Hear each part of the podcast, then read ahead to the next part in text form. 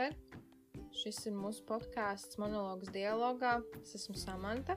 Un es esmu Rāvs. Šis ir mūsu trešais mēģinājums ierakstīt podkāstu. Jo mums pēdējās divas reizes galīgi nesanāca. Man liekas, ja tagad paskatītos uz to mūsu setupu, cilvēkiem liktos, ka mēs esam reāli nojūgušies. Bet, nu, mēs mēģinām visu, ko mēs varam izdarīt. Jā, tā ir. Protams, kādam ir labākas lietas, ko tagad uh, svētdienas vakarā darīt, bet um, mēs vienkārši cenšamies izpildīt mūsu pilsoņu pienākumus, jo tauta bija runājusi. Un uh, tad, kad es uh, prasīju saviem sekotājiem, ja tiem cilvēkiem, ko es ievietoju savā Close Friends storijā, ko viņi domātu, ja, ja mēs tā kā veidot podkāstu, nu, visi pateica, ka viņi uzskata, ka tā ir ļoti, ļoti laba ideja un ka sen jau kaut kas tāds bija jāveido. Un, jā, mēs saņēmāmies, kā redzams, trešo reizi to, to izdarīt. Man liekas, es ļoti ceru, ka tiešām šajā brīdī viss sanāks un ka šis ir fināla variants mums abiem. Jā. Jo citādāk rīktīgi bēdīgi būtu. Bet labi. Jā, runājot vispār par ideju, Ralf, varbūt var pastāstīt, kāpēc mēs izdomājām kaut ko šādu taisīt. Mēs gribējām parunāties, mēs gribējām parunāties par svarīgām lietām, kas varbūt citiem nav tik ļoti svarīgas, bet kopumā mums svarīgas, un es domāju, ka citi arī varēs pievienoties šim. Jo, nu jā, tur, tur ir tā, tā lieta, ka runājot vispār par podkāsta ideju un podkāsta vispār tēmām, ko mēs vēlētos runāt, pirmkārt, mēs vienkārši vēlamies parunāt, Otrakārt, mēs vēlamies, lai mums ir domu biedri, kas ar mums mūsos paklausās, vai arī labākajā gadījumā izsaka kaut kādu savu viedokli, kur, nu, pievienot to vērtību, ka mēs varam to iekļaut šajā. Un mēs arī gribam radīt kaut kādu saturu. Jā. Un uh, tas, pie kā mēs visu laiku nonācam runājot, ir vārds domu biedri. Un uh, tas, man liekas, ir tas, ar ko mums saistās vispār podkāsti, tie, kurus mums patīk klausīties. Uh, Jo mans mīļākais podkāsts tieši par latviešu saturu runājot ir Vai viegli būt, ko veidojas un Kristiāna. Un klausoties viņa podkāstu, man ir tāds sajūta, ka man ir draugi. Jo, nu, es neteikšu, ka es piekrītu, protams, visām lietām, ko viņi tā kā saka, vai kaut kādiem jokiem, vai nu, arī tas, ka es neesmu vispār tādā burbulī dzīvojoši kā, kā viņi. viņi nu, ir kaut kādas lietas, kurām es varu relētot. Nu, mēs izmantosim anglicismus ļoti atvainojamies, bet mēs esam jauni cilvēki um, lietām, nu, kurām es varu relētot, un lietas, par kurām es vispār, nu, es nevaru, man galīgi tas nesaista, bet uh, tas jau nepadara to podkāstu sliktāku. Un es domāju, ka Rāvs arī tam var piekrist, ka, nu, ir kaut kādi podkāsti, kas tev vienkārši rada to sajūtu, ka tevi, tev ir kaut kādi draugi, uz Jā. vismaz uz kādu stundu, pusotru. Jā, un ka tu varbūt vienkārši dažreiz paklausīties, ka Jā. kāds runā par kaut ko, kas tev arī mm. interesē, vai arī vienkārši kaut kas uh, smieklīgs vai interesants ir noticis. Jā, aktuāls arī. Un um, tad runājot par to podkāstu ideju, nav jau tā, ka mums viņa radās tagad kaut kad pirms tām divām, trīs nedēļām. Tā nav. Uh, viņa radās jau kā iepriekšējā gada, sanāk 20. gada rudenī, tikai tāpēc to, ka atsaucoties uz šo mūsu nosaukumu monologas dialogā, ka es pati gāju tādām lietām cauri rudenī kuras man bija tikai galvā, kurā, par kurām es īsti nevarēju nevienu runāt, un es nevarēju atrast arī saistošo informāciju par to, it īpaši latviešu valodā, un kur nu vēl pieņemsim runāt ar vecākiem. Protams, daudz no jums teiktu, bet ir taču draugi. Bet tad atkal ir tā problēma, ka tu negribi tās savas problēmas uzkraut tiem saviem draugiem, un man arī ir gadījušās situācijas, kad es kaut ko, nu, es izkratu to sirdi un pastāstu, bet uh, manī var tikai ieklausīties, un uh, nevar pievienoties vai kaut ko ieteikt, jo tikai tāpēc, ka cilvēks nav kaut kam tādam gājis cauri.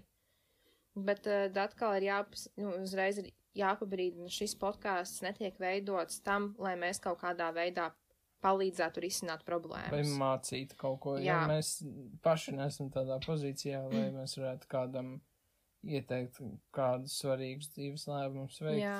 Mēs vienkārši runājam par mēs, savām. Jā, mēs runājam, mēs varam pievienoties, mēs varam kaut ko ieteikt, pastāstīt no savas pieredzes. Tajā pašā brīdī mēs arī varam, nu, ja mums ir tā kā dota tā iespēja un ir arī platforma, tad mēs arī varam tā kā pajautāt jūsu viedokli.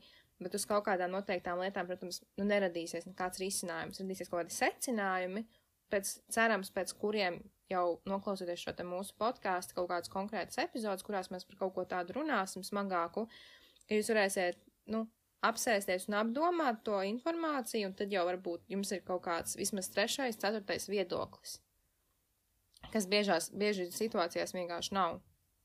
Nu, jo tu nevari atrast to. Jā, nevar. Tādu. To arī uh, teica, kad uh, cilvēki man sekotāji, kas man tajā, nu, tajās close friendos ir, uh, tieši arī minēja, ka ir latviski tas saturs, bet ļoti neliels, un tad ir tas ārzemju burbulis, kurā tās problēmas it kā ir, bet uh, tu viņām nevari pievienoties tik ļoti, jo uh, tā atšķirība starp kā, katru valsti viņa ir acīm redzama. Arī, protams, tas uh, vēsturiskais, uh, nu, vēsturiskais backgrounds, viņš ļoti atšķirās. Un, uh, pieņemsim, ja tu runā par kaut kādām skolas lietām, vai tu runā par politiku, vai tu runā, piemēram, par veselības sistēmu un kā sabiedrību kā tādu. Citās valstīs situācija ir galīgi citādāk. Galīgi citādāk. Un, un, un mēs pat nevaram līdz galam varbūt pat izprast, kāda viņiem tur ir tā situācija. Un tu it kā iegūglē tajā pašā Redditā, YouTube. Es pat nezinu, kur tu vēl informāciju meklēt. Vienkārši tā kā Google, Googlā, tā kā Googlā. Tu ie, tā kā iegooglē, ieraksti meklētājā. It kā ir tā tēma, bet viņa īsti tev neatbilst. Protams, no arī latviski tas nu, noteikti mēs arī neradīsim tādu perfekto scenāriju. Uh, bet vismaz ir vēl viena. Vēl viena vieta, kur Latvijas atrast to. Mēs vienkārši vēlamies būt daļa no tā. Jā, nu, es nezinu, šī ir tāda pilota epizode, protams, Ieskrējiena. mēs, jā, mēs viņā, protams, uzreiz neliksim iekšā smagajās tēmās. Mēs, var, mēs vēlamies vienkārši parunāt par kaut kādām aktuālajām lietām tieši šajā brīdī, nu, plus mīnus mēnesi atpakaļ kaut kas tāds. Tāpēc, Elf, vai tu gribi sākt ar savu segmentu daļu aktualitātēs? lietās, ko tu varētu pastāstīt, par ko mēs varētu parunāt un pamācīties. Tātad mēs gribam runāt par akcijām? Jā. Mēs gribam runāt par akcijām. Ralfs grib runāt par akcijām. Nu, labi, es gribu jo runāt par akcijām. Es vienkārši tā, tā lai saprotu ma manu tā kā teiklu par šo visu. Es iepriekšējos telefonos, nu tā kā iPhone lietotāji to sapratīs, ka tad, kad tu paņem telefonu, nu, jaunu telefonu, tev uzreiz ir tā stoka aplikācija. Es nekad viņu neizmantoju, viņa vienmēr dzēs ārā. Tagad man viņa ir atkal ielādēt atpakaļ, un es apskatos, es saprotu, kas ir bleeding, kad ir sarkans tur. Jā. Ne, un nav bleeding, ir zaļš? Nu, jā, vienkārši zaļš, okay. zaļš, sarkans. Jā, tad es zināju to, ka revoltā, revolūtā, revoltā varēja, var pirkt akcijas. Jā. Kaut kas notiek, ka tu dabū vai zaudē naudu. Un tas ir viss, ko es zinu. Un tad es esmu kopā ar puisi, kurš to dara ikdienā. Nu, tāpēc, ka tev to patīk darīt, tev liekas tas interesanti. Man patīk tikai skatīties, man nepatīk vajag kaut ko darīt, jo tāds riskants pasākums būtībā bez laba, labām priekšzināšanām. Un tad vēl kaut ko es zinu par kā tradingu vispār kā tādu ir tie young, nu, kad ir kaut kādi tie young hustlers tīpi, jā, ar visi šitie te, kas bija laikam uz to balti, kur ir tās valūtas laikam. Jā. Un tad man patika filmas skatīties par to. Par akcijām. Jā, par akcijām, nu, to Wall Street un tā. Jā. Un tas ir viss. Jā. Un tad uh, tu vari pastāstīt, jo, bet par šito, kas tagad notika, man liekas, katrs ir kaut ko dzirdējis. Katrs, kaut ko. Kaut ko droši vien. Bet, nu, es, peņ, es tiešām, Ralfam, man liekas, trīs reizes liku man paskaidrot, kā pilnīgai stulbenai. Cilvēcīgā valodā bērnišķīgi, kas notika un kas notiks tagad. Un tā vēlāk, tāpēc lūdzu, mikrofons nu, tev. Es uh, pats neesmu DJs eksperts, bet uh, es varu censties paskaidrot. Uh, tātad akcija, par ko mēs runājam, ir GameStop, jeb GME. Uh, GameStop ir uh, Ziemeļamerikā, man liekas, gan, gan ASV, gan Kanādā. Mm -hmm. uh, uh, veikalu līnija, kurā pārdod datorspēles, mm -hmm. uh, video spēles kopumā. Yeah. Um, tā tad situācija, kas tagad droši vien ir visiem parādījusies, ir, ka Redditā ir tāda grupa kā Wall Street Bets, kurai uzsāka darboties un radīja situāciju, ka šīs akcijas cena cik sanāk. vairākas reizes uzkāpa augšā, tas ir kāds simts reizes. Nu, nē, nu, apmēram, jā. Mhm. Nu, pieņemsim tīri idejas līmenī, ka viņi uzkāpa simts reizes. Tātad uh, Mhm. Skaidrojums, kas īsti notika, ja kāds ir kaut ko lasījis. Tātad uh, ak šī akcija pēdējos gados bija uh, kritās cenā un kļuva ļoti lēta. Bet kāpēc tas ir? Tāpēc, ka tīri vienkārši uzņēmums uh, nu, sāka darboties sliktāk un nebija tik populārs, jo tagad jau digitalizācija un tu Mhm. spēles var nopirkt internetā. Ā, tad sanāk, virtuāli. viņi, viņi ļauj tā kā diskos. Viņi pirkt, jā? ņem diskos, viņi pārdod konsoles, Ok. okay. viņi tev atļauj, pieņemsim, atnest kaut kādu spēli un tev viņi jādod naudu. Ok. Okay. Tad viņi pārdod arī lietotas spēles, ne Jā. tikai jaunas. Ā, aha, ok. Tātad, kas notika?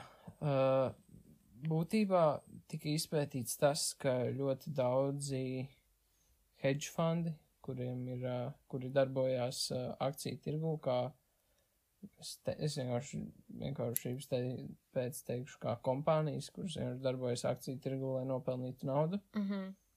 Nu, pieņemsim kompānija, kas nav saistīta, piemēram, ar finansēm, jā? Vai obligāti jābūt ar finansēm? Kāds ir? Jā. Nu, tā kā tā kompānija, viņa, viņa Viņi vienkārši... darbojās akciju tirgu tikai. Ā, tikai akciju Jā, tirgu. Tad Tas jā. nevar būt tā, ka, pieņemsim, ir kaut kāds Nē. Amazon, Nē, nē, un nē, viņš ir nopircis kaut ko tur. Nē. Ok. Tātad, uh, lai paskaidrotu, kas notika, un jāpaskaidro, tātad brīdī, kad tu nopērc akciju par kaut kādu noteiktu summu, uh, ir divi varianti. Vai nu tā akcija nokritīsies līdz tai cenai, ko tu nopirki, vai fu, tikpat, cik tu nopirki, viņa nokritīsies, un tu Mhm. pazaudēsi visu savu naudu, Jā. vai arī viņa vienkārši bezgalīgi kāps augšā. Ok. Tas ir, ja tu viņu nopērc akciju. Un tad ir uh, shortings, jeb short, ne jau shortings, kad tu nevis nopērc akciju, bet tu aizņemies akciju, un pēc tam, kad akcijas uh, cena ir nokritusi, Mhm. tu šo akciju nopērc, un tad pārdod, un tad tā nauda, kas palika pāri, ir tas, ko tu esi nopelnījis. Tātad, ja tu nopirki par 200 Jā. dolāriem, viņi nokritās par 50. Nē, nevis tu nopirki, bet tu aizņēmies par 200 Mm. dolāriem. Viņi nokritās par 50. Tu viņu tad tā kā pārpērc un atdod atpakaļ. Jo no akcija ir kā viens, kā vērtspapīrs, iedomājies. Ok. Un tātad, ja viņi ir nokritusies, viņi ir tātad bijusi lētāk, un tu viņu atdod, tā kā tu viņu pārpērc par lētāku naudu, un tas, kas paliek pāri, ir tev kā peļņa. Tas nāk, nopērci, a- aizņemies viņu par Aizņemies. tādu, tad tu viņu nopērci, tad tu atdod atpakaļ pat tik, cik tu viņu aizņēmies, un pārpalikums ir tev. Ne par to, cik tu. Labi, tātad vēlreiz.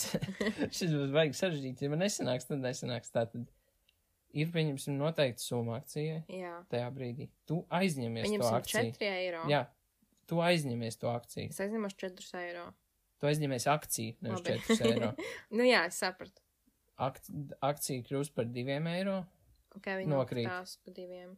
Tajā brīdī tu nopērc par tiem 2 eiro Jā, un atdod to akciju atpakaļ. jā, Viņi pirms tam bija 4 eiro, bet Jā. tad viņi ir vērti 2 eiro. jā. tad tu viņu nopirki par 2 eiro un tu dabū apakaļ 4 eiro, fu, 2 eiro, jo tu viņu aizņēmies. jā. Tad tas ir tas shortings, bet Jā. negatīvā puse ir tam, ka akcija, ja kāp uz augšu, Jā. tad tu tāpatās tajā brīdī esi aizņēmies to akciju, un kādā brīdī tev viņa būs jāatdod.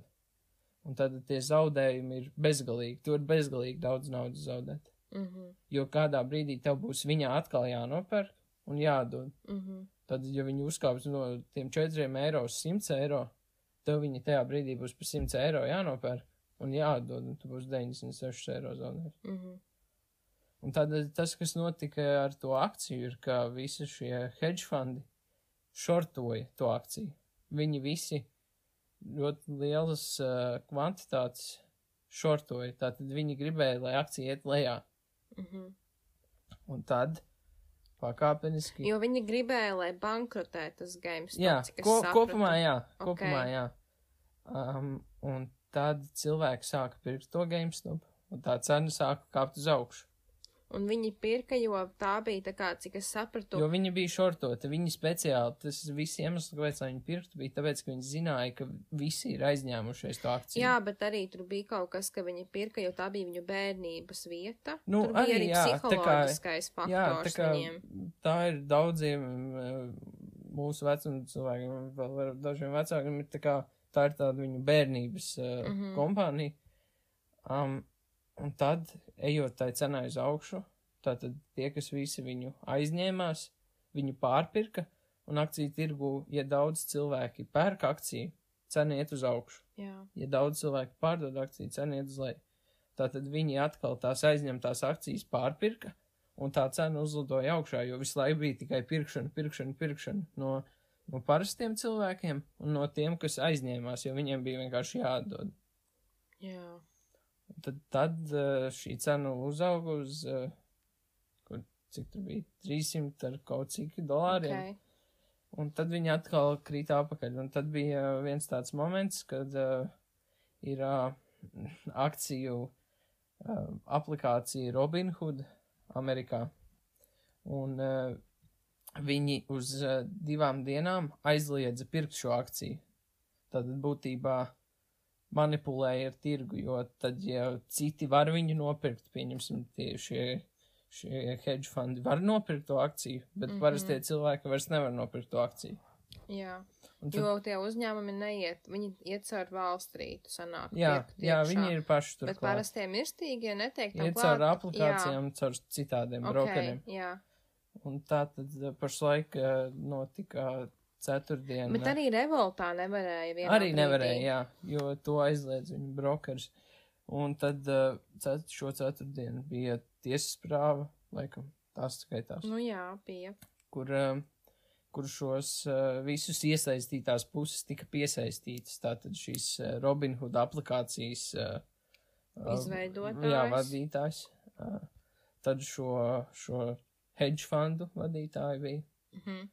Un, Un bija un tas bija šis no viens uh, no Reddita. Nu, pasak, cik viņš ieguva. Jo es zinu, Viņš ieguldīja 50 tūkstošus pašā sākumā, kaut kur 20. gada sākumā, laikam 19. gada beigās. Un viņš uh, augstākajā brīdī, kad bija augstākā cena, viņam, ja viņš izņemtu tajā brīdī to visu naudu, tie būtu 55 miljoni. bet, jā. Tad no Jo es 50 atceros- tūkstošiem 55 miljoni. Es atceros, tu man rādīji, ka vienam džekam tur bija Jā, tikai es pat tas arī 22 biju. miljoni. Tas bija arī viņš, bet Ok. okay. tad, tad cena vēl uzkāpa. Jā. Jā. Uh, viņš visu nepārdeva, daļu viņš pārdeva, viņš, man liekas, pārdeva kaut kādus 10 miljonus. Nu, viņš šajā brīdī ir miljonārs, bet liela, liels skaits ar akcijām viņam vēl joprojām pieder. Ok.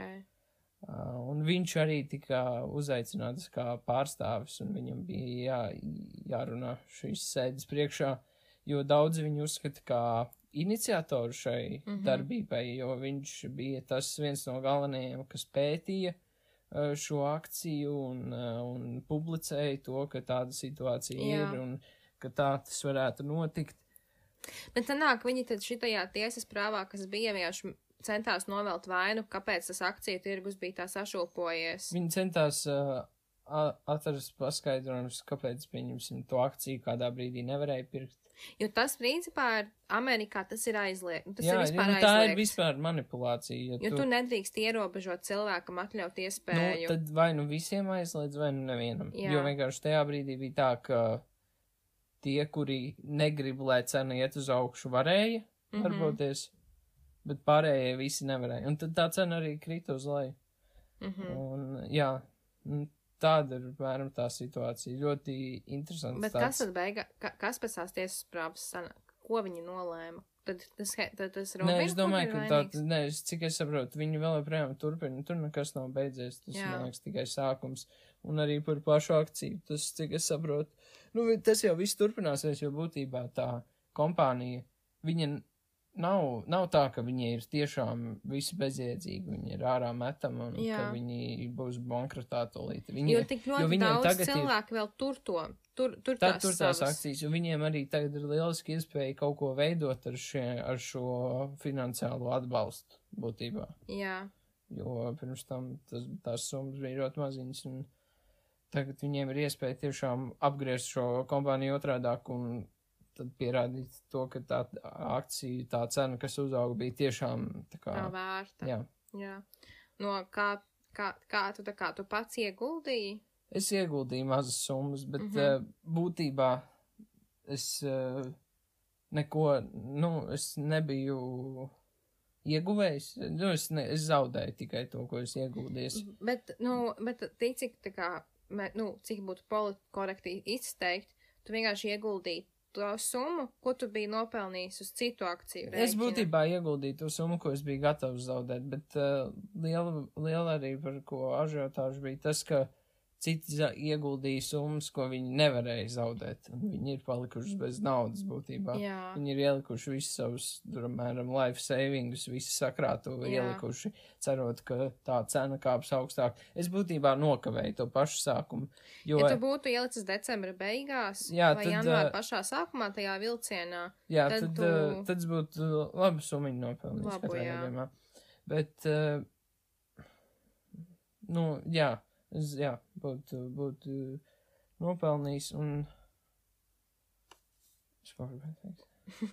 Nu, cik es vēl, tur arī bija kaut kā, tur sākās tas, ka tur daudzi tiešām, nu, reditā rakstīja, ka, um, ka viņi tur ir tikko ieguldījuši, viņiem tā nauda noderētu skolai, un tur viens tas džeks, par ko es tev stāstīju, ka viņš pateica, ka viņš ir paņēmis otro, otro reizi, tipu, mor, Ķīlu, morga, jā, ķīlas savam, naudu. Ā, Savu vai- vecāku mājai, bet kas nebija patiesība. jā, un par beigās. viņu uzrakstīja New York Times tā kā rakstu, Jā, ka, un, jo, tad, jo es to izlasīju, nu, labi, es, kā jau mēs minējām, Amerikā viņiem pilnīgi citādāk tas viss ar tām finansēm un tā, tā kā vi- vienu reizi tu to vari izdarīt, bet divas reizes tu to noteikti nevar izdarīt. Bet tas, ka viņš to izdarīja ar savu vecāku māju, nu, viņš to neizdarīja, bet, nu, allegedly tajā brīdī viņš to izdarīja ar savu vecāku māju, kas tīri likumiski pat nebija iespējams bez viņa vecāku piekrišanas, Jā. viņš to teica, ka tā kā tas ir bez viņa vecāku piekrišanas, un tā uzreiz reditā visi saprata to, ka tas ir galīgi, nu, viņš tā kā āzējās, bet ļoti populāra, zināma Amerikā žurnāliste, pat neizpētīdama to background čeku, neuztaisīdama viņam paķērās, pasauc viņu uz interviju, viņam tāds labi, vai es turpināšu spēlēt tālāk, viņš viņai pieliek makaronus pilns ausis, un viņa publicē, viņš ir pieejams viss tā kā, un viņš reāli Twitterī pēc tam tā pateica to, ka šādi mums ir Amerikā ar žurnālistiem, ka tu vienkārši vari pateikt da jebko, viņi aizies, un tad viņa atbildēja viņam Twitterī, paldies par šo mācību, tiešām noderēs visai dzīvei. Un man liekas, viņa beigās aizgāja no New York Times.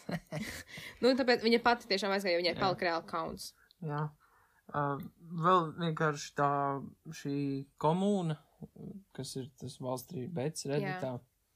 Uh, pirms tam viņai bija tāda, uh, tāda interesanta slava, ka tur nevis gāja kā cilvēki, kas tiešām veic tur izpētītus lēmumus vai tur veic uh, zema riska darbības akciju tirgu. Tur bija vienkārši cilvēki, kuriem nav bail zaudēt, un viņi vienkārši veic visu kaut kādus riskantus, nu, ar lielu risku un ar lielām, ar lieliem rezultātiem, bet būtībā tas uh, sabiedrības bija pirms tam pilns ar vienkārši zaudējumiem. Viņiem... Tas arī ir, kāpēc tu man liekas, tu stāstīji, kāpēc tu negāji no Jā, tāpēc es no sākuma. sākuma arī neusticējos, jo es domāju, Jo ka tā ir būs... daudzas reizes bijis, ka viņi tā kā, nu vismaz cik man Ralfs teica, ka viņi ir ielikuši, visi esot paķērušies, un pēc kādām divām, trīs nedēļām, ok, sorry, bros, we lost everything. nu, apmēram tas pats bija tā kā, likās, ka būs šajā brīdī, nu vismaz Ralfam tā likās, bet ja tu būtu, ja būtu tomēr uzticējies un būtu ielicis kopā ar visiem, tad būtu varbūt citādi. Jā, bet es droši vien arī nebūtu pietiekami uzticējies, lai liktu nozīmīgu naudas summu. Es Nu, varbūt kādus 50 eiro dabūjis, bet, nu, un vēl ir tas, ka būtībā šo komunu pašā sākumā apsūdzēja, ka viņi ir tie tirgus manipulatori, jo tirgu būtībā tā ir sazvērstība, ja vairākas uh, šīs vienības uh, veids tā kā sarunātas darbības tirgu Mm -hmm. speciāli ceļ cenu uz augšu vai uz leju, bet eh, šeit viņus īsti nevar apsūdzēt, jo tie ir vienkārši dažādi privātie investori, tā viņus var Nu vienkārši nosaukt. Tie nav, viņi, ne, viņi neveidoja nekādu kopīgu šo te darbību, kur viņi bija, nu, tā, tas nav tā, ka viņi kaut kāda sazvērstība, viņi vienkārši ir cilvēki, kas gribēja nopelnīt naudu. Vienkārši domu biedri. Jā, jā. Jā, tā ir.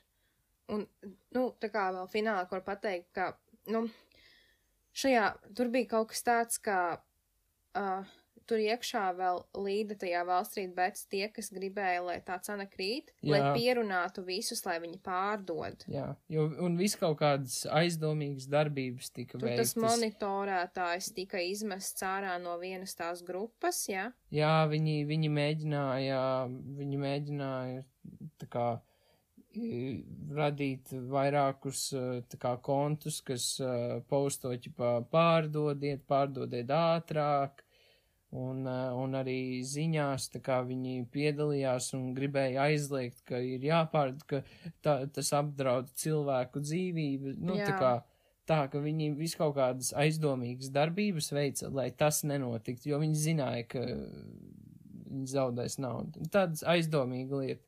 Bet, nu, šis būtībā parādīja, ka sociālajiem mēdījiem var būt tāds reāli kopīgs spēks, lai. Jā lai pierādītu kaut ko, un arī tā daļa, kāpēc daudzi pievienojās tam, kaut arī mm -hmm. zināja un bija gatavi zaudēt naudu, bija tas, ka viņi jutās, ka tas ir kāds atriebas stāsts par, pieņemsim, 2008. gada krīzi, kad uh, daudzi cilvēki zaudēja uh, naudu un, un īpašumus un finansiāli tika ietekmēti, un tas bija kā Jo daudz no tās komunas tajā brīdī bija bērni vai, Jā. vai jaunieši, un viņi īsti nevarēja neko ietekmēt. Tagad tas tika pārvērsts kā tāds stāsts, ka tā ir tāda atriebība tām visiem, eh, kas manipulē tirgu. Jo, nu, tas tirgus eh, būtībā nav tīrs, jo da, visiem nav vienādas iespējas. Nu, ļoti interesanti Jā, bet ļoti sarežģīti. Nu, interesanti būs tas, ko viņi izlems beigās, kurš vai viņi ņems pie, tāpēc, ka. Vai kāds būs jā, ņemts pie vainas. Jā, jo tāpēc, ka ir tā, ka um, šādos lielos skandālos, kad abas puses saprot, un arī tas atbildīgais, kas nolem to, ka saprot, ka valsts institūcija vai kaut kāda saistībā ar kaut kādu ir vainīga, bieži vien nenonāk pie tā, ka viņa vainīga. Vienkārši viņi ar, ap, nu, ar appusējo miera līgumu mēs neizvirsam vairs tālākas apsūdzības, turpinam dzīvot no šī brīža kā pirms tam. Jo man liekas, ka tas, nu, tāpēc, ka nekad netiek lielās, lielās personas vai, vai lielie uzņēmumi pie vainas piedzīt. Tīpaši vai arī šis puses. nežēlīgi ilgi vilksies gadiem tiesas prāva? Nevar zināt. Tur tas kā Lembergs. O, oh, Lembergs. Jā. Uh, turpinot runāt tā kā par finansēm, uh, Mēs tā kā kaut kāds, tas nezinu, Forbes oh. izklausamies. Um, Saima ir apstiprinājusi šajā nedēļā, jā, arī ceturtdien apstiprināja vienreizēju 500 eiro pabalstu izmaksu par katru bērnu. Normāls kapos. Skumji ir tas, ka mums, mēs vairs neesam tajā vecuma jā, posmā. Izlīdām cauri nedabūsim naudu. Jā, jo atbalsts ir paredzēts visiem bērniem vecumā līdz 15 gadiem un no 15 līdz 20 gadu vecumam tiem, kuri mācās, tā kā turpina mācīties, un arī par bērniem, kuri piedzims līdz pašlaik noteiktajām ārkārtas situācijas beigām, jums 6. aprīlim. Nu, tā kā, kā mūsu abu ģimenes, tā kā ir vēl bērni, viņi tā kā saņems, bet uh, par mums, nu, diemžēl mēs, mēs arī tas, ka es vairs nemācos. Jā.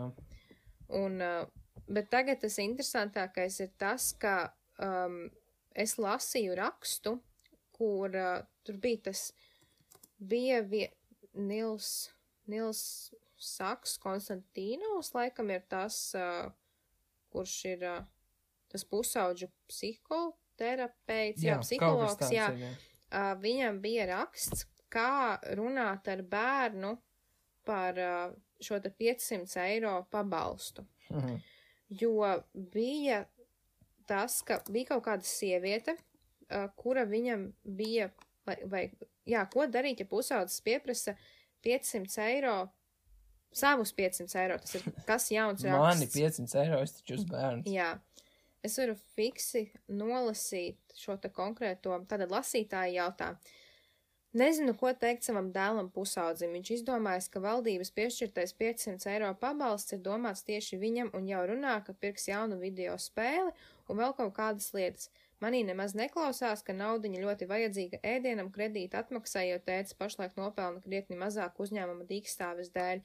It kā jau taisnība viņam ir, ka nauda piešķirta par bērnu, tātad paredzēta viņam, bet viņš jau arī ēd un brauc ar ģimeni mašīnā, kā lai runāja ar savu pusaudzi. Un tad es sapratu, tā kā arī tālāk par Facebook, nu, Facebook tēmā ielienot iekšā, ka daudziem šādi uzskati ir bērniem nu, jā, tieši. Nu, bērns, bērniem jau varētu būt tādi uzskati, jo tu jau diži neapzinies, ka cik maksā tur ēst un cik maksā samaksāt par dzīvokli Jā, nu mēs varam par to teikt arī, ka, nu, nebija diži liels Jā. izpratnes kaut kādos 16 gados par to, cik Jā. maksā tur tols papīrs. Vai cik maksā vispār īra. Jā, jā. Bet tad atkal no otras, tā kā otras spektra paskatoties, man reāli besīja ārā tie joki, kad runā kā vecāki brauc stulītās jau izpirks Jā, ar šiem jā. 500 eiro alkoholu, al, jā, nevar parunāt, alkoholu pirks kaut kādos Jā, outletos. Ka nevis nopirks kaut ko tādu, kas tiešām skar bērnu, bet kaut ko tādu, Vai arī nav. ģimeni kā tādu vispār jā. skar, jo to naudu jau arī nav, nav vajadzības uzreiz viņu notriekt, ja Jā. tas ir priek, tā kā priekš ģimenes paredzēts. Jā, Labi, var jā, GameStop ieguldīt visus 500 protams, jā. um, nu tas arī, bet uh, ka atkal tā, tās divas puses, tie bērni daudzi domā, nu ne daudzi, bet nu daļa, ko es esmu lasījusi, domā, ka tā nauda reāli ir jāpārskata bērnam šajā kontā, jo tā ir viņa nauda. Nu jā, bet pieņemsim. Bet tad ir otrs spektrs, kas do, saka to, ka, nu, es, man liekas, ka Reiris bija tas, kurš pateica, ka negrib dot šo pabalstu, jo viņam tiešām liekas, ka tie vecāki nodzers to naudu.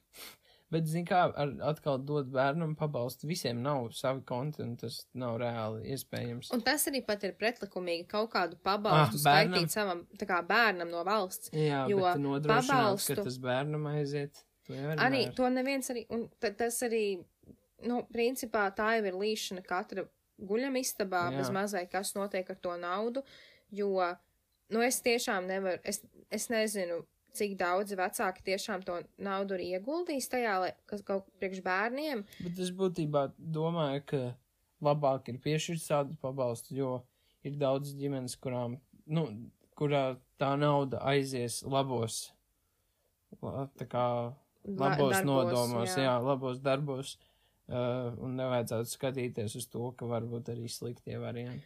Jo arī tas, ā, tas psihoterapeits teica, ka, um, nu, ģipa, ka skaitīs bankas kontā, kas pieder kādam no vecākiem, kurš ir tiesīgs saņemt valsts atbalstu par savu bērnu vai bērniem. Līdz ar to tā ir ģimenes nauda, kas tiek izmaksāta tieši tāpēc, ka ģimenēs, kurās aug bērni un pusauģi, ir daudz lielāki izdevumi un ir grū- daudz grūtāk tā teikt pārciest Covid laiku. Un, uh, Pilnīgi noteikti šos 500 eiro var izlietot arī komunālajiem maksājumiem, automašīnas remontam, pārtiks iegādē vai kādai citai vajadzībai. Bet es atkal tā kā daudziem tādām dažām sīkām detaļām nepiekrītu. Es pieņemsim negribētu, ja pieņemsim mums būtu bērns. Mums tagad ieskaitītu 500 eiro. Ja tu viņu izlietotu kaut kā, tāpēc, ka tu būtu gribi nopirkt jaunus bremžu klučus, vai tu gribi, es nezinu, kaut ko apgrēdot savā mašīnā, es kā bērns tiešām būtu apvainojies, jo tā ir nauda, kura tiek piešķirta ģimenē, ģimenē tikai tāpēc, to, ka es esmu dzīves. Jā, bet nu, kā bērns arī būtu apvainojies, ja nopirktu pārtiku, tev būtu tāds, ah, man jaunais telefons. Viņš kā mums tos kartupeļus? Nu, nē, nu tā kā tā atkal lieta, kas tomēr, bet pieņemsim kaut kāda mašīna. Nu, es nezinu. Protams, ir tā, protams, ja tas ir nenormāli. Nu, tiešām tā mašīna nekustas no vietas un tiem kā ģimenei nepieciešams to, tad, protams, var izrunāt, bet man liekas, ka šī, šī summa tiešām ir tāda, tāpēc, ka tas ir vienreizējais pabalsts un tomēr tie ir 500 eiro, tā nav, nu, maza summa vispār, tā ir ļoti liela summa, manuprāt. Būtu jāapsēžas katrai ģimenei un jānolem tomēr. Tā kā tajā naudas pavēlniekā, kad viņi reāli apsēžās un runā par to, kas ir jādara pabalsta. pavēlnieks. Bet uh, bija arī kaut kādi komentāri, kas teica jau tur vispār drastiskas lietas, to, ka uh, bērniem tur vispār nekam tādam nav jāpienākās, lai viņi piever vispār Jā, mutes. studentiem, lai maksā labāk. Mēs Jā. gribam dzert. Tu gribi dzert. Labi. Un uh, ka vispār tur vajadzētu samazināt to mācību lā, nu tā kā to mācību, nu, vismaz vai padomju laikos jau gāja, ka tur mācās līdz tik gadiem, un šitā, un tā, un, nu, es nezinu, ļoti tāda interesanta tēma, bet uh, es ceru, ka katrs no jums, ja saskarās ar kaut ko tādu, jūs, jūs spēsiet apdomāt katrs savās ģimenēs šīs naudas tā kā labāku lietojumu, jo, nu, tomēr tas ir par bērniem, Jā. par ģimenēm, un tas būtu diezgan nepareizi iztērēt tikai tāpēc, to, ka mamma grib ar tēti kaut ko šitādu, vai ka bērns atkal grib. Jā. Jo, prot, protams, ir arī ģimenes, kurām tas dators ir nepieciešams bērniem. Tu vari atrast datoru par šo summu. Jā, var. var. Jā, var atrast. Nu, tā, lai bērnam ir kaut kas, ko darīt, jo tomēr Jā. ne visās pašvaldībās vai kaut kādas skolas var iedot tos dators tiem bērniem, iedot tikai kaut kāds planšetes vai vispār neko nevar iedot, vai uz īsāku laiku. Tad tas dators daudz ko nozīmētu. Jo pieņemot, ka situācija nu, neuzlabosies, tad tomēr ir jāturpina mācīties. Jā. Jo, nu, es tieši, es tieši pateikšu to, ka sastajām klasēm ir tie diagnosticējošie darbi, un uh, viņi, viņi vēl līdz pašam galam nebija izdomājuši, kā, tā kā, vai viņi būs attālināti, vai viņi būs, vai viņi būs klātienē, un tagad bērniem viņiem visu to laiku ir bijis jāmācās neklātienē, un tagad viņi ir izlēmuši, ka tas diagnosticējošais darbs būs neklātienē, un es par to domu, viņi vēl nebija pateikuši, kādā formātā tieši viņš būs, un es vienkārši iedomājos par to, ka, ja tiem bērniem būtu tas diagnosticējošais darbs jāpild tajos uzdevumos LV. Vai, vai pieņemsim kādiem 12 klasniekiem. Eksāmens būtu jāpild uzdevumos LV. Kā tas tā kā notika? Nu, zin kā, bet man liekas, ka pieņemsim tā kaut kāda sestā un, un trešā klasē vēl ir, ja? Jā, tāpēc. Sestā un trešā klasa diagnostikas darbi. Nu, būtībā viņi tā lielākoties neko nenozīmē. Tas jā, bet tomēr, ja tu esi tajā vecumā, tad, nu. Nu, labi, jā, tev varbūt psiholoģiski tas kaut kāds faktors, bet, nu, priekšmācībām tas nav nekas nozīmīgs, tāpēc es nebrīnos, ka viņus mēģinās tā, nu, taisīs uh, attālināt. Bet, nu, es domāju, ka eksāmeniem tādiem kā 9. un 12. klasē tiem jau jābūt klātienēs tur savādāk. Nu jā, bet es vienkārši runāju par to formātu, ka ja viņi būtu paņēmuši viņu tikai pilnīgi elektroniski, jā. man liekas, tomēr ir kaut kādas kā ģimenes, kuriem tiem bērniem nebija tie datori piešķirt, vai ir, ir piemēram tikai tās mazās planšetes, vai arī pat ja nav planšetes, ir tas telefons. Kāds tālāk notika telefonā, jā. tas jā. būtu pilnīgs smurks. Bet paldies kā valdībai vismaz par šo, kad atradās naudu tam, jo, manuprāt, tas ir diezgan daudz. Tas ir, jā, tas ir, tas ir ļoti tāds. Jā. Um, ko vēl mēs varam parunāt par aktualitātēm? Nu, kas mums ir aktuāls, ir to, ka Čuplīnska ir izteikusies kaut ko beidzot par deju svētkiem. Jaunieši dejo. ka tomēr laikam viņus grib rīkot, rīkot šajā gadā. Bet par divīzijām kaut kādām. Nu, šodien vēl ir raksts LSMā, ka skatas pirms skolānu dziesmu un deju svētkiem šogad nenotiks. Nu, tas ir skaidrs, ka skatas nenotiks. Jā. Un ka, ja Covid-19 saslimstība mazināsies un svētki samazinātā formātā vispār tiks atļauti, piedalīties varēs visi kolektīvi, kas zinās repertuāru un spēs to izpildīt. Aha, un kā to viņi varēs pārbaudīt? Ar? Jā. Nezinu kā. Skaitī. Taču laikā, kad jau kopš oktobra vidus bērni nav varējuši dziedāt, dejot un muzicēt klātienē, nav zināms, cik daudz kolektīvu un kādos sastāvos līdz vasarai būs pēdiņās izdzīvojuši. Es domāju, ka būtībā, ja tiešām uh, tiks līdz tādam brīdim, ka varēs rīkot, es domāju, ka tāpatās visi, visi teiks, jā, es esmu gatavs, es visu zinu. Uh, es nākšu un darīšu. Nu, te ir rakstīts tā, ka ir iecerē, ka vasarā varētu lūgt pedagogiem iesūtīt video, lai pārliecinātos, kāds ir kolektīvu sastāvs un kā à. bērni atcerās dejas. Bet tā nav repertuāra skati, tur nav nekāda vērtēšana, diplomi un punkti, vienkārši nu, pārliecināšanās. Vienkārši pārliecināšanās, vai kolektīvs zina deju, piebilst horeogrāfe. Vai arī blefo galīgi. Bet es nesaprotu, kā tas tā kā varētu notikt, jo, protams, ja, ja mūsu kā vadītāji pateiks, ka tavai mums ir jā, mums tiešām ir jāpiedalās šajā zūmā dejošanas mēģinājumos, kuros mēs ne tikai kā atkārtojam klasiku vai izturību, bet arī atceramies deju soļus un, un ir iespējams kaut kad jau tuvāk nākot arī tikties klātienē, vismaz maskās dejot. Jā. tad. Uh, Maskās dejot, iedomājies, visi vienkārši Daugavas stadionā maskās. Ir, es cik Bet saproti, seriāli izstāsta. interesantākais fakts jau ir tas, ka, ja piedalās, nu, es domāju, ka, ja nav skatus, tad piedalīsies vairāk cilvēku, manuprāt, kā pirms tam būtu domāts. Jā. Vai stadiona un meža parka estrāde tam būs tā kā gatava Nu, nē, es domāju, ka kapacitātes? limitēts skaits tāpatās būs.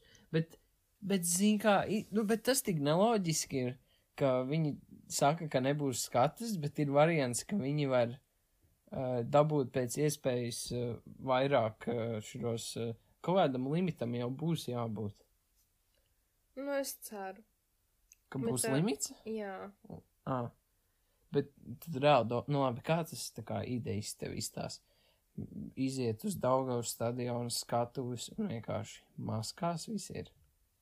Nē, gan jau, ka būs vai nu obligāti jāvakcinējās, vai nu jābūt Covid Ā, testam nu, derīgam. Ā, nu, nu jā, tas ir laikam tas realistiskākais variants, kā tas notikt, ka mēs visi tagad sabraucam, Jā. uztaisa uzreiz tos ātros Covid Ar testus. siekalām? Jā, kas tev Jā. pasaka, vai nav pēc piecām minūtēm. Nu, tāda nav, man liekas, pēc piecām minūtēm. Nu labi, nu idejas. Nu, Jo tagad jau tie visi nazālie un laringālie tie testi, kas, nu, parastais tas, viņiem ir kaut kādas 6-7 stundas. Nu, labi, izpilde. ātrākos testus uztaisa turpat uz vietas. Un tad tie, kuriem nav, nu, visticamāk, gan jau kādam parādītos, ka ir covid. Funny. Bet kā Un tad? tad pie- viss kolektīvs nu, pieņemsim, jā, izolācijā. pieņemsim, jā. Nu, div, tad mēs ai- aizējam, visi stāv 20 kolektīvs, un no 21 ir covid. Kolektīvs nepiedalās. Jā, tur ir daudz faktoru. Tur ir ļoti grūti izdomāt. Bet ideja ir laba. Bet ideja ir labi, ja visiem uztaisa ātri tests un nevienam nav covid, iedzen tur iekšā, padejo, viss kārtībā. Nu jā, bet, nu, tāpēc arī pēdējais teikums ir, ka ir jābūt elastīgiem, jo te, nu, viss var mainīties. Jā, Un, protams, un varbūt arī arī var nenotiks. Jā. uh, bet uh, koris arī maskās dēļās, ne? Mm -hmm, jā. Tas jau būtu Ar labi. tiem, ar tiem caurspīdīgajiem ar- mūros. Jā, jā. jā, vienkārši stīkla sienas salikts mm -hmm. Tā jau to meža parku nabadziņu tur uh, paņēma un tur vienkārši visu izjauc. Tagad vēl jābūvē kaut kādas sienas būt. Tad sajūta. Katrs nāk ar savu vairogu. Jā, tas ir kaut kā kaut Ir kādā šausmu filmā, kaut kāda latviešu šausmu filma. Izdzīvošana. Jā, Kuri grib tie izdzīvot un dejot, tie iet. Es lai atvadies no ģimenes un eju uz savu meža parku dejo Jā. un dzied. Bet, nu labi, pēc tam karantīnā sēdi mil- septiņas mēnešus. skonto halē piepūstā. Oktievs Simpson Multen. Jā. Mhm. Bet, kupola. Par lietām, kas ir atļautas, būs atļautas, ir ka skaistumkopšana ierobežotā daudzumā no 1. marta atsāksies, kas ir pedikīrs, manikīrs. saka ierobežotā daudzumā, man eh, priekšstats uzreiz eh, rodās, ka es aiziešu, man pusi galvas nogriezīs, jā, matas, un otru pusi atstās. Jā, nu, tā kā, ka ped, pedikīrs, manikīrs, frizēri varēs strādāt no 1. marta, un tad, ja situācija uzlabosies, tad arī, tā kā, attiecīgi palēnām varēs atsākt arī um, sejas kopšanas procedūras. Es nezinu, vēl, man liekas, viņi gribēja vispār, tā kā, pilno, pilno, tā kā, to, to komplektu, ka viss ir atļauts. Tur Mhm. piercingi, tetovējumi, pieaudzēšana, vaksācija, bet, nu, Bez tiem tomēr. var iztikt, Jā, principā, bez bet- tetovējumiem un Jā, piercingiem. jā. Uh, es nezinu, es jau šodien esmu pieteikusies uz 9. 9. martu. Jā, jā, uz 9. martu pie manikīra, bet es atceros tad, kad viņi iepriekšējo reizi atļāva, es pieteicos. Tas bija tā, ka februārī, Jā. līdz februārim bija. Es pieteicos, man liekas, aiznākamajā, aiznākamajā dienā pēc ierobežojuma beigšanās. Uh, viņi pateica, ka pagarinās, un tad es atteicos, un tāpēc es tagad tā sēžu, domāju, bet es ceru. Nu, tu ies pie friziera visticamāk. Nu, pie friziera jau būs jāiet, nevaru šādu čupčuku staigāt. Bet uh, es, es Ralfam esmu griezus matus, man liekas, kāds trīs reizes, kopš marta sākuma. Jā, nav tik slikti. Nu, pirmo reizi bija diezgan traki, man Nu, nepatika ar to pirmajā reizē, mašīnīti. Bet uh, ar tagad ar šķērēm diezgan normāli, bet jā, man, man rīktīgi pietrūks. Es pat, ma- es pat, man liekas, gribētu aiziet pie friziera, Hmm. jo es neeju pie friziera. Bet es tiešām, man ir prieks, ka viņi var atsākt strādāt, jo es saprotu to, jo ka tas daudziem zaudējumi, jā. Jo tomēr tās, nu, tā kā daudzi, protams, turpināja strādāt visticamāk arī nelegāli uz dzīvokļiem. Visticamāk, Nu, noteikti, lai kaut kā izdzīvotu. Bet um, man prieks, ka vismaz daļa no viņiem ir atsākt strādāt, jo tomēr tās telpas saloniem vai katram tam savam kabinetam par viņām ir kaut kāda tā kā summa jāmaksā katru mēnesi, pat ja tu tur neatrodies. jā. Tāpēc, nu, man ir prieks, ka vismaz kaut, kaut kāda ienākuma Kaut viņiem kas viņiem nāks apakaļ. Bet, uh, attiecīgi, es pieņemsim, nu, pie savas attiecīgās manikīra speciālistas, viņa jau ir pabrīdinājusi, ka no 1. marta būs tomēr vēl viens cenu kāpums, nu, jā, viņa bet jau palielināja no janvāra pa 5 eiro vai pa 2, no 2 vai 5 eiro. Tad sanāk būs vēl uz augšu. Bet nu, es domāju, ka cilvēki arī šajā brīdī ir bijuši izmisuši, lai aiziet pie kaut kāda friziera vai tādiem kopšanas. Uh, Bet iedomājies, kā, kādas rindas būs. Tev tik ļoti laicīgi varēja, vajadzēs pieteikties pie Jā. tās savas frizieras. jā, būs jāpiesakās ātri, jādomā. Bet, nu jā, Jo tā jau ir garas rindas bieži vien. jā ārā stāv ar teltīm. Jā, jo pēc divām dienām ir pieraksts pie friziera. Jā. Mhm. Nu jā, bet uh, runājot uh, par tādu lielāku tēmu, kas uh, nav tikai aktualitātes, um, Ralfs ierosināja parunāt par uh, iedomām pret realitāti, tā kā expectations versus reality, kas tas ir dišanas, tā kā vidusskola, universitāte. Vidusskola universitāte, jā. Tad tu vari vairāk pastāstīt. un Tātad doma ir tāda, kas bija tas, ko tu vidusskolā gaidīji no universitātes. Mhm. Bet pēc tam, kad tu ieradies universitātē, tev bija tāds, šis ir galīgi citādāk, kā es domāju. Vai arī tieši tā, kā tu domāji vai Mhm. cerēji. Jo es domāju, ka daudzi ir izjutuši to, ka viņi kaut ko domā, jā, būs šitā, būs tā, un Mhm. tad aiziet, un tad ir pilnīgi pretēji, kā Mhm. viņi iedomājās. Tad uh, tu gribi sākt, vai es varu sākt? Tu vari iesākt, ja tev ir. Ja tev ir. Man liekas, aizdomājoties tā pirmais, kas man likās vidusskolā par universitāti, ka man būs daudz vairāk brīvā laika, ka man, nu kā, ka tas, tas naivai, tā naivā doma, ka, ok, jā, man tur sāksies tās lekcijas kaut kad, uh, kaut kad ap kaut kādiem 12 Jā, vai es 11, un tad man, at, un tad man tur būs kaut kāds pāris lekcijas, tad man atlikusi diena būs brīva. Nu, Labi, es arī naivi domāju, es izvēlējos mācīties, studi, stu, atvainojos, studēt programmā, kurā tas noteikti nebija iespējams. Bet uh, vispārīgi runājot, man bija tā kā tas priekšstats, ka pat tev var sākties astoņos, bet tev tur ātri beigsies, un tu tur vari šito darīt un to. Nu, kā kaut kādā Amerikā, nu, kādās standarta filmās vai seriālos, ka tu izsēdi tās savas lekcijas, vai arī tu pat vari kaut ko starp lekcijām darīt, kaut ko. Nē, tā nebija. Man, man galīgi tā nebija. Tev, varbūt tas bija tā doma, varbūt nāca no tā, ka zina, ka studenti ģipa mācās un strādā. Jā, Un ka, nu, ja viņi var to darīt, tad jau viņiem ir tas brīvais laiks, pa kuru strādāt. Bet man liekas, laiks ir tikpat daudz.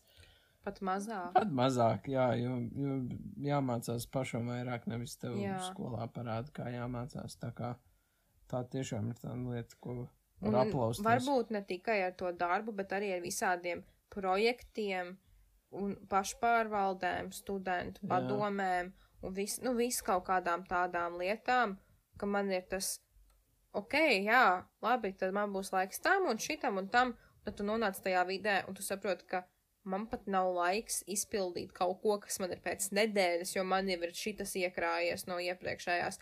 Un otra lieta, par ko es uzreiz gribēju pateikt, ka atkal atšķirībā no vidusskolas, vidusskolā bija tie parādi, jā, tev bija konsultācijas, kurās tev bija parādi un tādas lietas, un tā kā tev bija ierobežots laiks.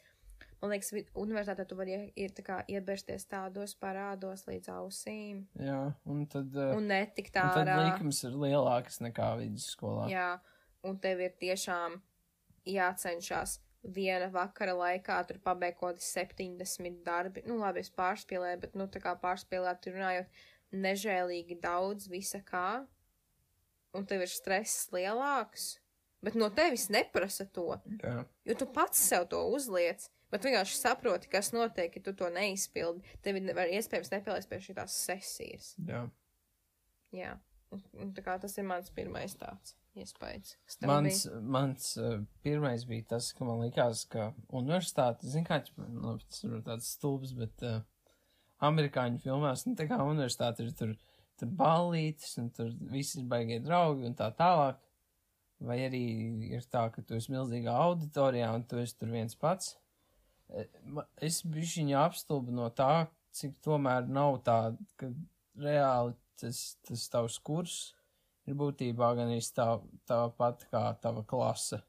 Tur varbūt ir kaut kādas lekcijas, ka tu esi ar citiem kursiem kopā, bet būtībā nav nekā tāda, ka tev, nu, ka tev liktos, ka, oh, dara, kur ir mani draugi, kurus tur jaunas draugus, tur satikšu baigi daudz, un es tur visus pazīšu, un vai, nu, kaut kas tāds. Mm -hmm.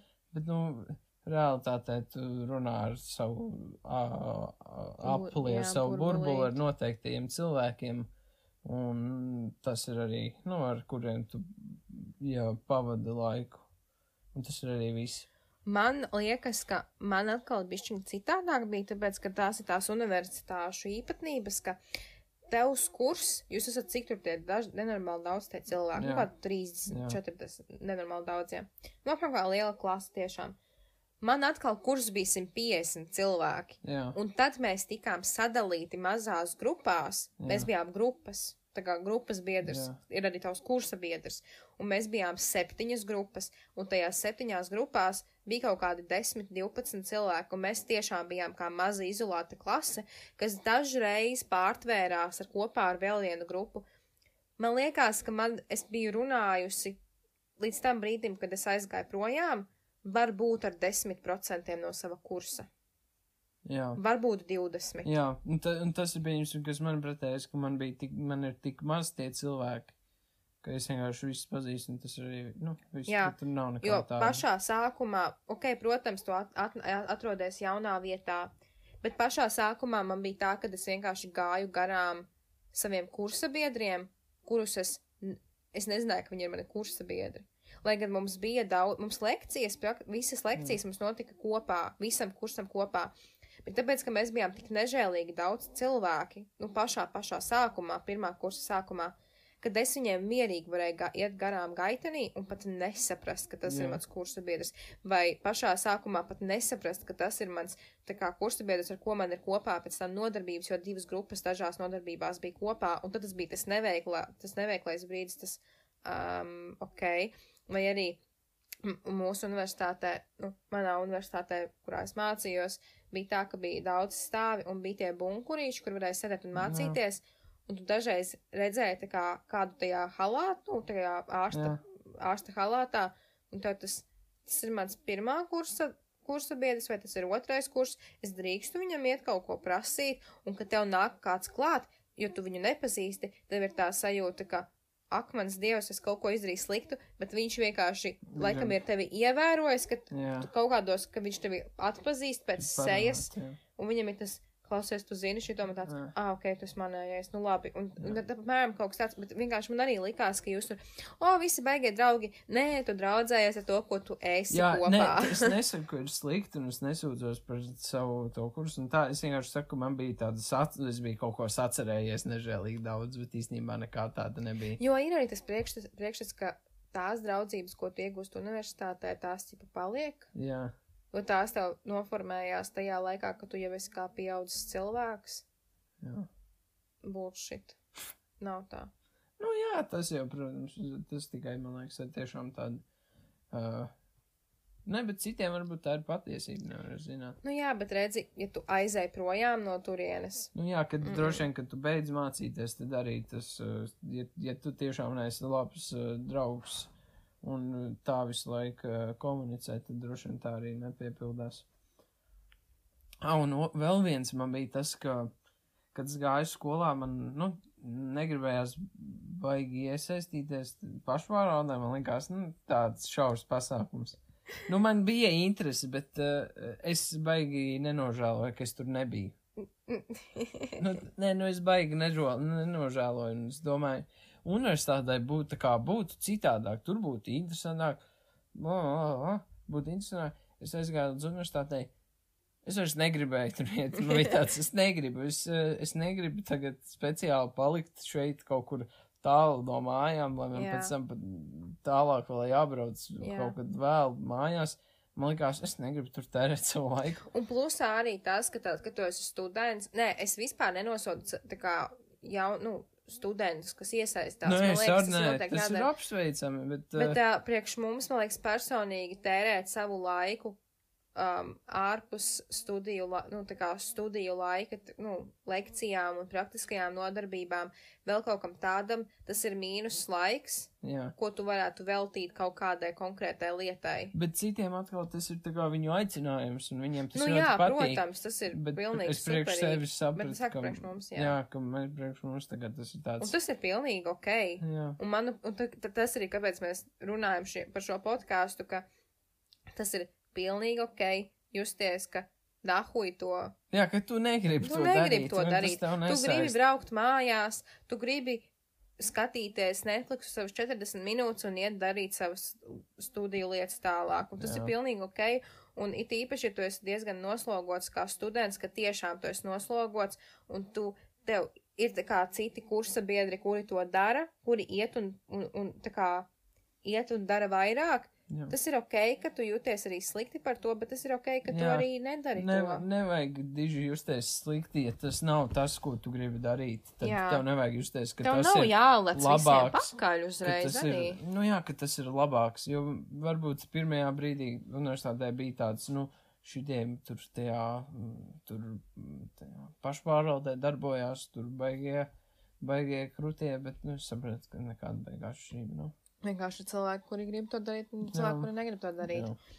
Tas jau arī nu, mūsu tā kā kopīgai draudzenei, viņa arī mācās, viņa mācās medicīnu, un mēs atkal par to esam runājušas, ka viņa pārdzīvo, ka viņas pašas kursa biedri iet un brīvajā laikā strādā bez maksas, bez maz vai slimnīcās par, ā, par um, šiem sanitāriem un iet un dara vairāk tikai tāpēc, to, ka viņi grib to darīt. Un man liekas, arī tajā brīdī tev nav jājūtas slikti, ka tu nelec līdzi visiem, jo tu vienkārši saproti, ka tas nav tev pa Ja tu atrodi savu ceļu, kā arī uzlabot sevi un uh, um, to, tā kā uzlabot savas prasmes un spējas, tad tas nav obligāti, ka tev jālic jā, kā pārējiem. Jā, tas, tas, tas man ne- neliekās, ka obligāti tev ir.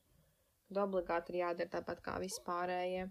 Um, es vēl gribēju pateikt, ka pirms es gāju universitātē, man likās, ka tās mācības no vidusskolas, kā kaut kādi daži priekšmeti, būs pilnīgi citādāk, ka tā Mhm. kaut kāda struktūra būs citādāk, un kā tā attieksme būtībā tur būs nežēlīgi citādāk. Bet uh, es jūtos universitātē bišķiņ kā tādā vidusskolā, bet ar vienkārši grūtākiem, grūtākām tēmām. Mm -hmm. Un varbūt, ko es gaidīju universitātē, bet kas nebija, bija tas, ka es domāju, ka būs kaut kāds noteikts skaits ar pasniedzējiem, kurus mm -hmm. es Mhm. gadu laikā iepazīšu, un mm -hmm. ar viņiem būs kontakts, un tad tu beigās arī varēsi tos savus darbus kopā ar viņiem rakstīt, jo viņiem, jo viņi tev būs daudz, nu, gājuši līdzi Mhm. apmēram. Bet īstenībā ir tā, ka viņi vienkārši ir, ir ar tevi. Un tad tad vairs nav. semestra nav, un viss. Un, Un viņi un- neatcerās, kas tu Un, vispār tāds tev esi. tie, tie, tas pasniedzējs ļoti patīk, un viņi nomaina kāds, kas tev ļoti nepatīk. Un tad ir tāds stulbs sajūta. Tev ir bijis tā, ja, ka Jā, tev.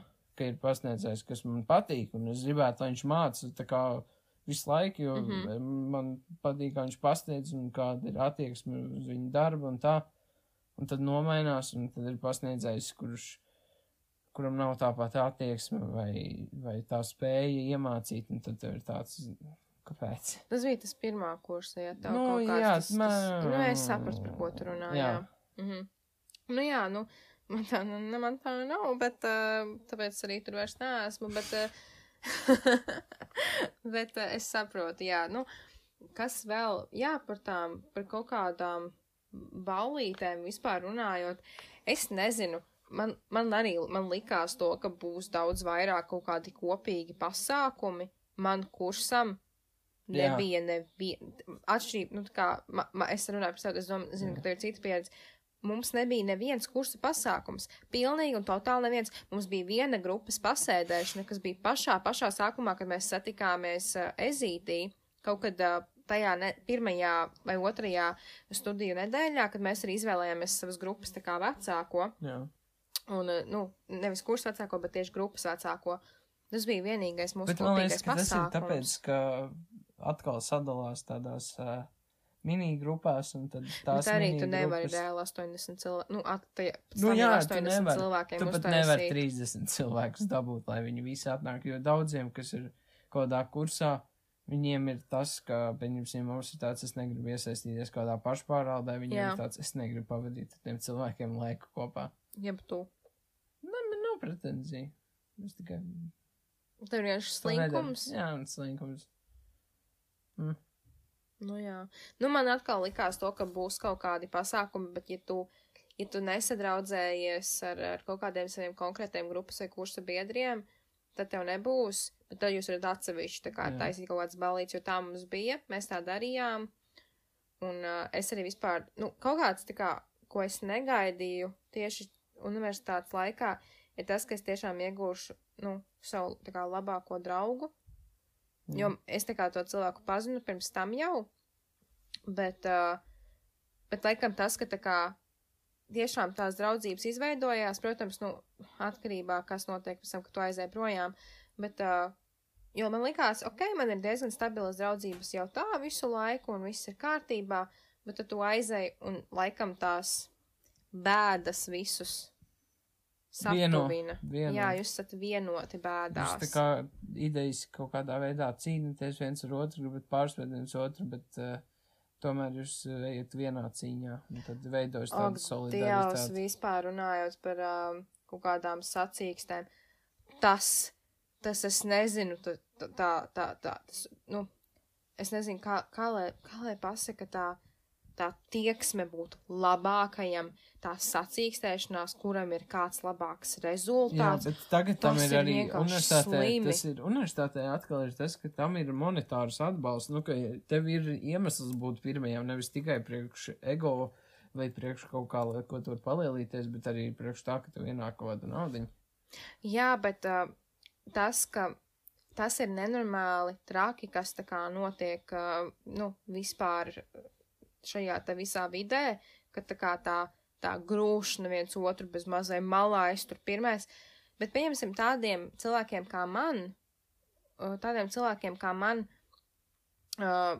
es vidusskolā tiešām biju, nu, viens no, nu, es tiešām ļoti labi mācījos, man bija ļoti, ļoti, ļoti labi rezultāti. Flex. Beidz. Nav smieklīgi. Ļoti sāpīga tēma. Un uh, tu tiešām centies darīt to vislabāko, un tu ar, absolu, ar absolūtu kā, pārliecību ej tālāk tā kā, uz priekšu dzīvē. Tu nonāc universitātē, un tev ir tāda sajūta, ka tu vienkārši neko nemāki. Jā, tā ir tāda forša sajūta, ka tu sēdi un tev liekas, vai tev vispār šeit ir jābūt. Jā. Jo tāda sajūta, ka visi apkārt saprot, kas notiek, Un tu nē. un tu nesaproti. Un, tu, un, un tas ir visstrakāk, ka tu ar to saskaries pirmo reizi akadēmiskajā vidē vispār, Jā. jo tu esi iznācis ārā no savas vidusskolas augstākā punkta, tu aizies uz universitāti, un tu esi vienkārši salauzts pirmajās divās nedēļās, tu neko kas vairāk negribi darīt, un tu nezini, ar kuru galu vispār sākt, un visiem apkārt viss sanāk, vai vismaz viņi tēlo, ka viņiem viss sanāk. Vat, tas ir tas, ko es gribēju teikt, ka visbiežāk, man liekas, kaut kādi 70% no gadījumiem manā universitātē ir tā, ka man liekas, bļāviens, visi saprot, es neko nesaprotu. Bet 70% gadījumā neviens neko nesaprot. Vienkārši stabili muld Jā, un iet uz priekšu. un iet uz priekšu, vai arī neko nesaprot, bet vienkārši klusē un neko nesaka. Jā, kurš variants esi tu? Tu saproti un klusē, es nesaprotu nesaproti un runā. klusēju, Ā. Es vienkārši nesaprotu, un tad es saprotu, ka man varbūt vajag kaut ko palīdzēt, tad es sāku runāt. Svarīgais nesaprotu. Man liekas, ka man bija tā, ka es nesapratu un es klusēju, bet es runāju saviem tuvākajiem, tā kā grupas biedriem, nu tā kā draugam savam. Mēs vienkārši, nu, vienkārši raudājām, mazliet kopā, ja par visu. Bet tad atkal, tad, kad es sapratu, es arī klusēju, es Jā, saprotu. jā, teitu, biju saproti, tā- tev ir tāds, jā, Jā, jo jūs man- neko Mhm, man nesaprotat, tā es bija. gan. Man tā bija tieši gatavojoties vienam no kolokvijiem. Nu, ja kas ir tā kā, nu, medicīnā, ir tā, ka jums ir kā kontrola, bet pārbaudē, mums ir kā kolokvijas, kas ir uh, dažreiz viņš pat kā sastāv no mutvārdu daļas. Un uh, mums anatomijā bija kolokvijas, un es gatavojos rīktīgi tādai sarežģītai tēmai. Uh, nu, jo sākumā man bija kaut kādi, nu, tā kā viduvēji, viduvēji rezultāti, un uh, par kauliem runājot tieši, un man bija par rumpja kauliem. Un es biju rīktīgi samācījusies, jo es tiešām esmu rīktīgi traki, nu, varbūt Rauls pat var par to piekrist. Rumpja kaula. Es sēdēju, vienkārši man kāda zejolīte visu laiku mācījos līdz naktī, nu, kā, kā jau katrs medicīnas students, nekas īpašs. Bet es biju tik konfidenta par Jā, sevi. tev uzreiz sakāp galvā bišķiņ. Man reāli sakāpa galvā, un manai grupas biedrē, vai draudzenei, tajā laikā viņai rīktīgi grūti nāca, un viņa man tā kā reāli, mēs sēžam viena otrai pretī, viņa man visu laiku tā kā sit pa galdu un tā kā čuks, un es vienkārši paskatos, un viņa reāli jautāja, ai, nu es nezinu, un es vienkārši pasaku, viņa nodiktēja kaut ko, un tā viņa tur visu laiku kaut ko runāja, ko viņa nesaprot, un es neko neteicu pretī. Jā. Neko, es vienkārši tu no klusēju. tā, tā kāpuma Es tādu kaifu- ātri nokrīt. Es tādu Tu kaifu kaifo, ķēru. bet tad ir nākamā tēma, un tu vienkārši vari nokrist tik zemu, ka tu esi pretējā punktā, ka tu neko vairs nesaproti.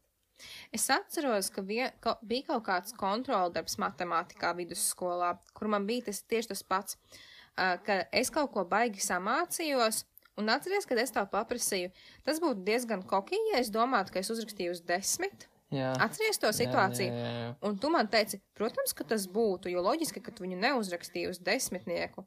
Man bija tāds, un es kaut, kaut ko tur baigi, nu, riktīgi apvainojos, jo es tiešām biju pārliecināta par to, ka es viņu esmu riktīgi labi uzrakstījusi. Un tad, kad es dabūju desmit, man bija tāds, Mm, sēd. Jo es pēc tam vairs neko nekomentēju, jo man tā, jo tā ir man iezīme arī tā kā kopš, vid, nu, tiešām vidusskolā man tā bija, man bija tā pamatskolā, un man tā arī bija universitātē. Ja es kaut ko sapratu, es klusēju. Jā, bet man liekas, ka visi tā dara. Es arī. Ja? Un tad tev liekas, Bet tu ka rīktīgi daudz runā, tāpēc man liekas, ka tu neko nesaproti. Nu, jā, tāpēc īstenībā ir tā, ka es izbaudu tos brīžus, kad es kaut ko saprotu, jo tie brīži nāk reti. Jā, bet tu nāc, bet tu tā kā universitātē salīdzinoši ar vidusskolu, tu daudz palīdzi citiem. Nu, labi, vidusskolā tu palīdzēji saviem klases biedriem. Nu, man tu palīdzēji tikai tāpēc, kad es ar tevi biju kopā.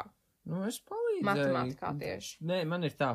Es negāju tur speciāli, tev nevajag palīdzēt. Jo man kāds jautāja, es palīdzēju, man nebija žēl. Nu, labi, ja man kāds jautāja, un es zināju, ka viņš pat nav uh, grāmatu ielicis, lai pacentos, pacenstos saprast, kas tur ir. Jā, tad es tā caur zobiem kaut ko palīdzēju. Bet tādam, kurš es saprotu, viņš centās, bet viņam vienkārši neiet, tad mm. -hmm. man nav žēl palīdzēt. bet no universitātē. Un tas pats ir universitātē, jo es tādiem, kuri, kuri negrib, eh, kuri nedara, un es zinu, ka viņi nedara, es negribu tādiem palīdzēt.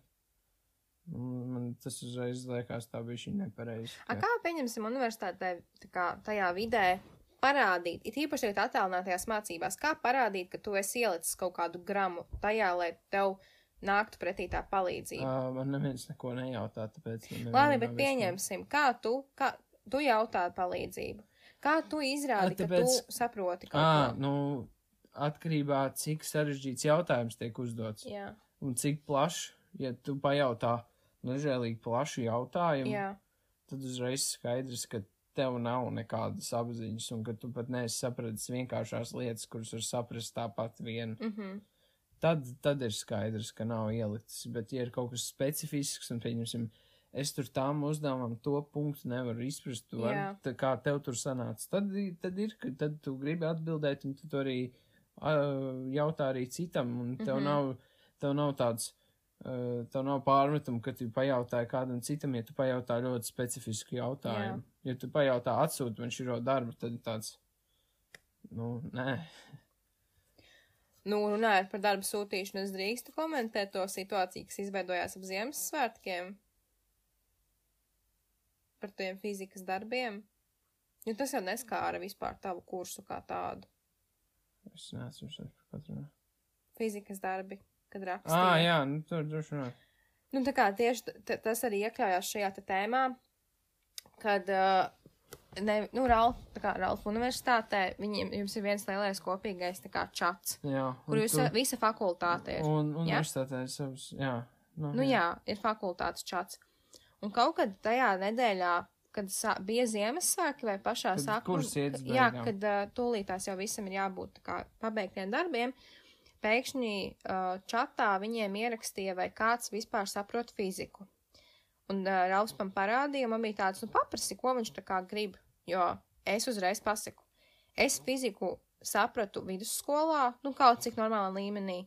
Vidus uh, universitātēs atvainojos, es vispār neklausījos, es skatījos Netflixā, nu savā planšetē, visu laiku skatījos kaut kādus seriālus vai krāsoju, vispār neklausījos fizikā, bet man kaut kāda sapratne tomēr bija, jo, nu, kaut kā jau vajadzēja to kursu arī pabeigt. Un uh, Džeks ielika divu, viņam vajag, lai viņam izpilda divus darbus par tēmām, ko es aptuveni, nu, tā kā biju mācījusies. Par samaksu. Jā, par konkrētu samaksu. Jo, un es tam piekrītu. Tas, ka, ja tu ļoti labi gribi, tu varētu kādam samaksāt, lai viņš izdara visus uh, tādus darbus tavā vietā. Mm -hmm. Un uh, es piekrītu to izdarīt, un es pabeidzu tos darbus, nu, nepilnu 24 stundu laikā. Tiešām, ka tur bija ar visu protokolu, tur bija pašam arī jāskatās um, šajā te sistēmā visādi tā kā laboratorijas darbu video, nu, kur tā kā tiek veikti tie mērījumi, un es to visu darīju, es visu tiešām noformēju, un, un es viņam uh, arī vairākas reizes prasīju, lai viņš man atsūta kaut kādas lietas, kas ir tikai viņam kā studentam tai piekļuvai, un es nosūtīju. Un tad interesantākais bija tas, ka viņš samaksāja, viss bija kārtībā, bet viņš man prasīja palīdzību. Ar viņam, es viņam, nu tā kā, kā, es tos protokolus sarakstīju ar savu rokrakstu, un viņam vajadzēja vienkārši pārrakstīt izprintētā protokola lapā ar Jā. savu rokrakstu.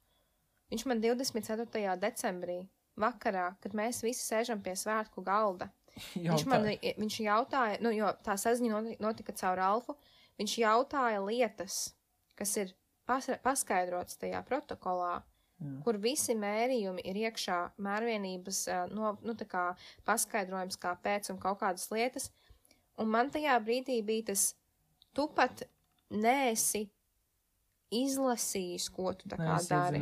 Un daudz ir tādi, kas vispār nav iedzinājušies, kas pa lietu, bet vienkārši grib atkritīties no savām Jā, problēmām. un viņš mani teranizēja de, visus tā kā dienas, kad bija Ziemassvētki, jo viņam viņš bija jāizstāv sestdienas rītā. Kā, jā, kaut kāda svētki. Sestdienā, jā, ja tas bija sestdienā no rīta, viņam bija jāizstāv tas darbs. Un man viņam bija jāpaskaidro, kas viņam ir jādara. Protams, es viņam paprasīju vēl konkrētu naudas summu, jo viņam vajadzēja kaut ko pielabot. Jo viņš man sūtīja atpakaļ, kas tomēr nav labi, un es prasīju vēl, jo tāpēc, ka tomēr man tas nu, bija jādara svētku laikā. Pareiz.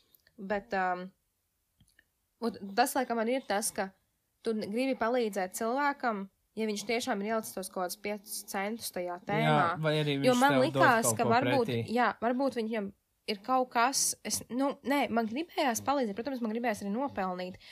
Bet tajā brīdī, kad es sapratu, ka pirmkārt viņam tie bija divi pirmie laboratorijas darbi, tas nozīmē, ka, un viņš, viņš tā arī teica tajos čatos, ka viņš, ne, viņš vispār nav iedziļinājies tajā visā. Bet tad, kad tev pat atsūta izpildītu, tu sāc jau kaitināt ar to, cik tu esi slings un cik tu esi neuzmanīgs tajā, ko tu vispār dari. Jā. Un tas rīktīgi besī. Jā, nu tāda ir tā universitāte. Varbūt tev ir vēl kaut kādas kā lietas. Nē, kopumā man nav, man liekas, es visu, ko es gribēju pateikt, tas pēdējais arī bija tāds ļoti labs punkts, ka ja ļoti esi izmanīgs un tev ir pietiekami liels naudas maciņš, tad tu arī vari izpirkt. Bet tas nav visam. ieteikums vispār. Tas nav ieteikums, es saku, ka tas ir iespējams. Bet, principā, tajā bet brīdī bija pilnīgi... ļoti daudz izmisušu nu, studentu, jā, kurus varēja nopelnīt diezgan labi. Jā, bet īstenībā tas tā kā ir pilnīgi bezjēdzīgi, ja tu esi tajā universitātē un tu nekāpēji iemācījies, tad tas diploms ir vienkārši ieraksts kaut kur. Nu, tas kā kuram. Jā, jo tāpēc, ka tev arī ir jāmāk izmantot jā. tā informācija, kas tev tiek dota. Jā. Nu, tā ir tā lielākā atšķirība, jāsaka, vidusskola. Tu vari izpirkt sevi cauri tam visam, bet tas dažreiz nenostrādā tāpatās. Jā, tā kā šī, šī tēma tā, tā labi noslēdzās uz tādas uh, skarbākas nots, un varbūt, varbūt cilvēki nepiekritīs tam, un tas Jā. ir pilnīgi ok. Um, bet uh, mēs vienkārši atkal, kā atkārtojam, mēs runājam par to, ko mēs esam pieredzējuši, katram tā pieredze būtu citādāka. Es nevienā brīdī nesaku, ka es atbalstu, ka cilvēki pērk darbus vai ka pērk, lai kāds no Jā, izpilda viņa vietā. Vispār neko ne, es nekad neko neesmu pircis un neko neesmu pārdevis. Tikai akcijas. Jā. Bet tajā pašā brīdī ir Alps bļauj. No, hold the shares, hold the shares, don't sell. nu, ah, par, par to, par tas, kas citāts, kas man patika, ir ja tu nekad nepārdod, tu nekad neesi zaudējis. Jā. Nu, vot, ļoti labs beigas. Bet, jā, lūdzu, nepērciet darbus. Nepērciet. Nevajag, ne, nevajag. Nē, nevajag, nevajag. Mācieties, un viss būs kārtībā. Jā, šis arī ir tas epizodes noslēgums. Varbūt, varbūt, protams, varēja kaut kādas smagākas tēmas, bet, nu, saprotat, mēs trešo reizi ierakstām Jā. Vienu to pašu Mēs jau- epizodi. Mēs jau izrunājām bišķiņas smagās tēmas, un tad uh, atkal es nezinu, vai cik uh, būtu interesanti klausīties. Es saprotu, ka mēs jau par to esam Jā. runājuši jau Jā. kādu reizi. Jā. Tā kā, protams, nākam, mēs jau būsim iemācījušies kaut ko noteikti labāk, kā darīt. Cerams. Jūs arī noteikti varat uh, manā Instagramā, uh, Atsauksmes. jā, atsauksmes, es nezinu, jānosauc mans. Nē, nē. Tie, kas zina, tie zina. Tie, Nu, es ielikšu, es ielikšu zina, šajā Spotify, tajā descriptionā to savu Instagramu.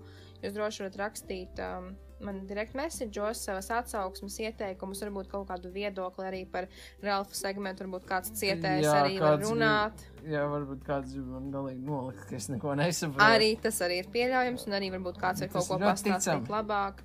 Un, uh, jā, un noteikti, ja ir kaut kādi ieteikumi nākamajām tēmām, es jau kaut kādus esmu salasījusi, protams, jāsagatavojas, bet, ja nu kādam ir kaut kas, ko sakāms, droši varat rakstīt. Un, jā, liels jums paldies par klausīšanos, un tad jau tiekamies nākamajā epizodē. Tā. Atā!